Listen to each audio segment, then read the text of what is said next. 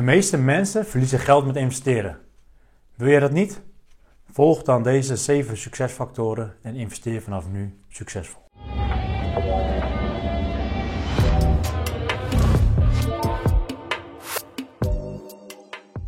Succesfactor 1. Spreiding.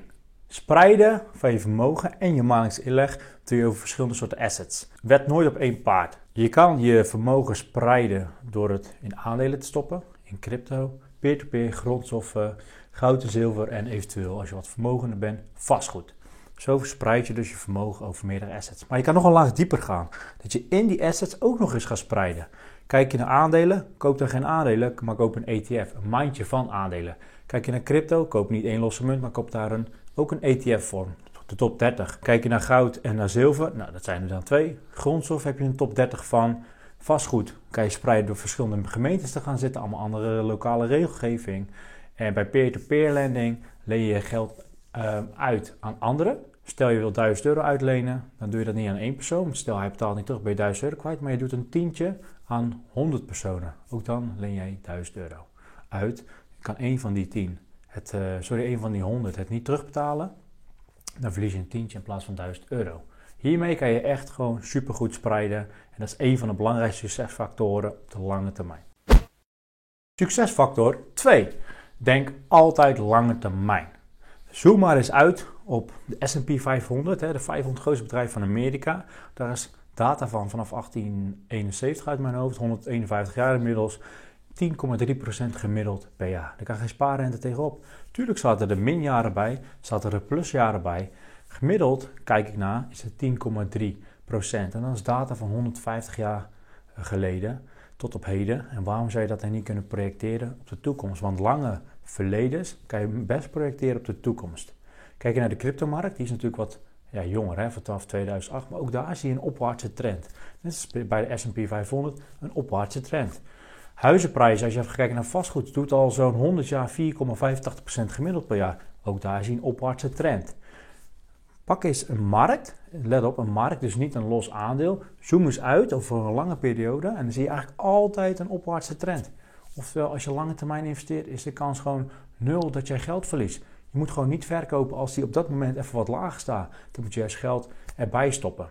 Elke crisis tot op heden, als je maandelijks blijft beleggen, ook als cijfers in het rood staan, en je doet je dividend herbeleggen, even naar de aandelen kijken, ben je binnen, altijd binnen vier jaar tot op heden eruit geweest.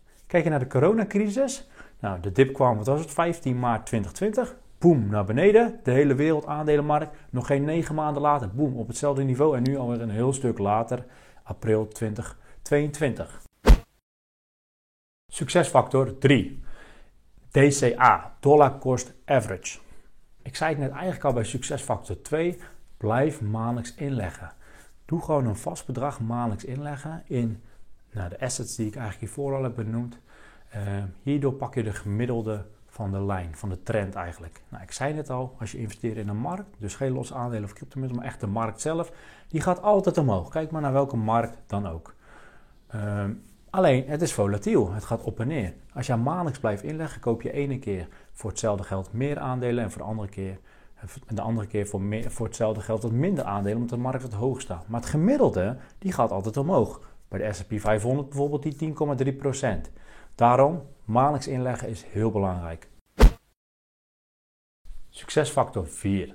Compound interest, oftewel rente op rente effect. Nou, dit effect krijg je eigenlijk automatisch al als je op lange termijn investeert. Investeer je 1000 euro, krijg je 10% rente, heb je 1100 euro aan het einde van het jaar. Weer 10% later heb je dus 110 euro extra in plaats van 100 euro. Nou, dat stapelt zich op en dat is een sneeuwbaleffect. Dat gaat steeds harder. Als je ziet, um, als je gaat investeren en je kijkt naar de lange termijn, dan zie je op het laatst zie je hem ook best wel stijl omhoog gaan. Exponentieel gaat het omhoog. Albert Einstein die zegt hier het volgende over. Hij zegt, het is eigenlijk net een achtste wereldwonder. Zo beschouwt hij het. En hij zegt, degenen die het snappen, die verdienen eraan. Degenen die het niet snappen, die betalen de rekening. Nummer 5. Asset allocation. Ik zei bij nummer 1 al, je moet verspreid uh, gaan investeren in verschillende assets. En nu moet je ook van tevoren moet je gaan bepalen hoeveel procent wil ik in welke asset hebben. Aandelen wil je bijvoorbeeld 40% van jouw vermogen per maand indoen. Crypto bijvoorbeeld 30, grondstoffen 10, peer-to-peer 10 en goud en zilver eventueel ook 30. totaal 100. Nou, dan stem je dit af met jezelf, oké, dit wordt het. En dan zou ik adviseren, uh, hou dat dan altijd aan. Gaat de aandelenmarkt een maand, lager een maand later best wel hard omhoog, dan zal je zien die 40% is ineens 43 geworden. Crypto is misschien juist andersom 37 geworden. Ergens moet die 3% extra vandaan komen. Wat je dan kan doen, dan zeg je, joh, deze maand investeer ik even niet in aandelen, maar stop ik het juist in die andere die wat lager uh, zijn gegaan. Want je weet, de markt gaat omhoog. Je kan eventueel ook zeggen, joh, ik keer 3% van mijn aandelen uit en ik stop dat. Nou, in dit voorbeeld even in de crypto, die 3% lager staat. Wat doe je hiermee? Je haalt het emotioneel uit het beleggen. Je verkoopt hoog en je koopt laag in. Dat is een hele belangrijke. Nummer 6. Lage kosten. Kijk, ik gaf al een paar keer aan investeren doe je voor de lange termijn. Elk jaar opnieuw heb jij lopende kosten. Kijk je bijvoorbeeld naar een ETF die in een wereldindexfonds belegt, dan zie je dat je ongeveer 0,22% aan kosten kwijt bent per jaar. Dat noem je TER, Total Expense Ratio. Dat mag je vergeten, maar daar zitten alle kosten bij in. En wat doet dat bedrijf waarin jij investeert? Die houdt dus die ETF, die aandelenmaand, elk half jaar up-to-date. Het blijft altijd de grootste 3800 bedrijven op dat moment. Je kan dit ook doen bij een beleggingsfonds met een manager erboven. Alleen dan ben je vaak een procent per jaar meer kwijt. En dat is iemand dan die dat beheert. Alleen bewezen is op een lange termijn, meer dan 15 jaar, dat 96% van die beleggingsfondsmanagers de markt niet verslaan. Oftewel, je had gewoon beter de markt, die ETF kunnen kopen, die een procent goedkoper is per jaar. En had je nog hun verslagen ook. Want hun kunnen de markt niet verslaan, maar ze zijn wel duurder. Dus dat is het rendement dat je inlevert. Nou, 1% per jaar, en stel je doet dat 20 jaar, dan loopt dat heel erg hard op. En dat gaat gewoon richting de ton aan extra kosten die je kwijt bent. Of aan rendement dat je misloopt, hoe je het ook bekijkt. Nummer 7. Life cycle beleggen.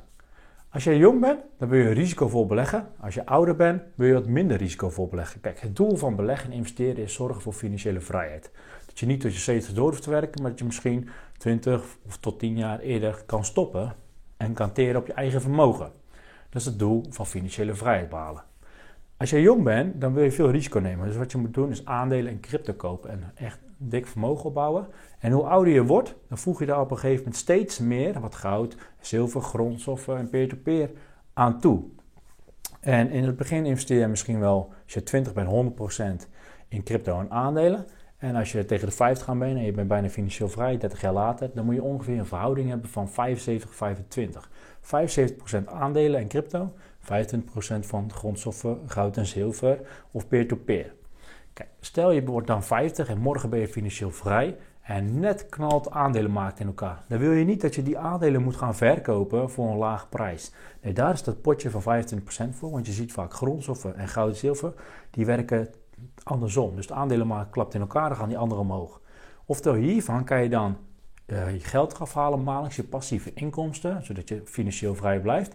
En ondertussen ja, heeft de aandelenmarkt tijd om te herstellen. En als die weer wat hoger staat, dan ga je daarvan afteren.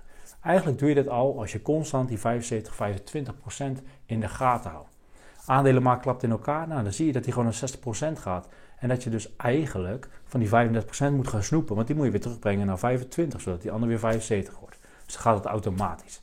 Dit waren de zeven succesfactoren zodat jij succesvol kan investeren op de lange termijn. Vond je dit interessant? Ik heb een e-book hierover geschreven.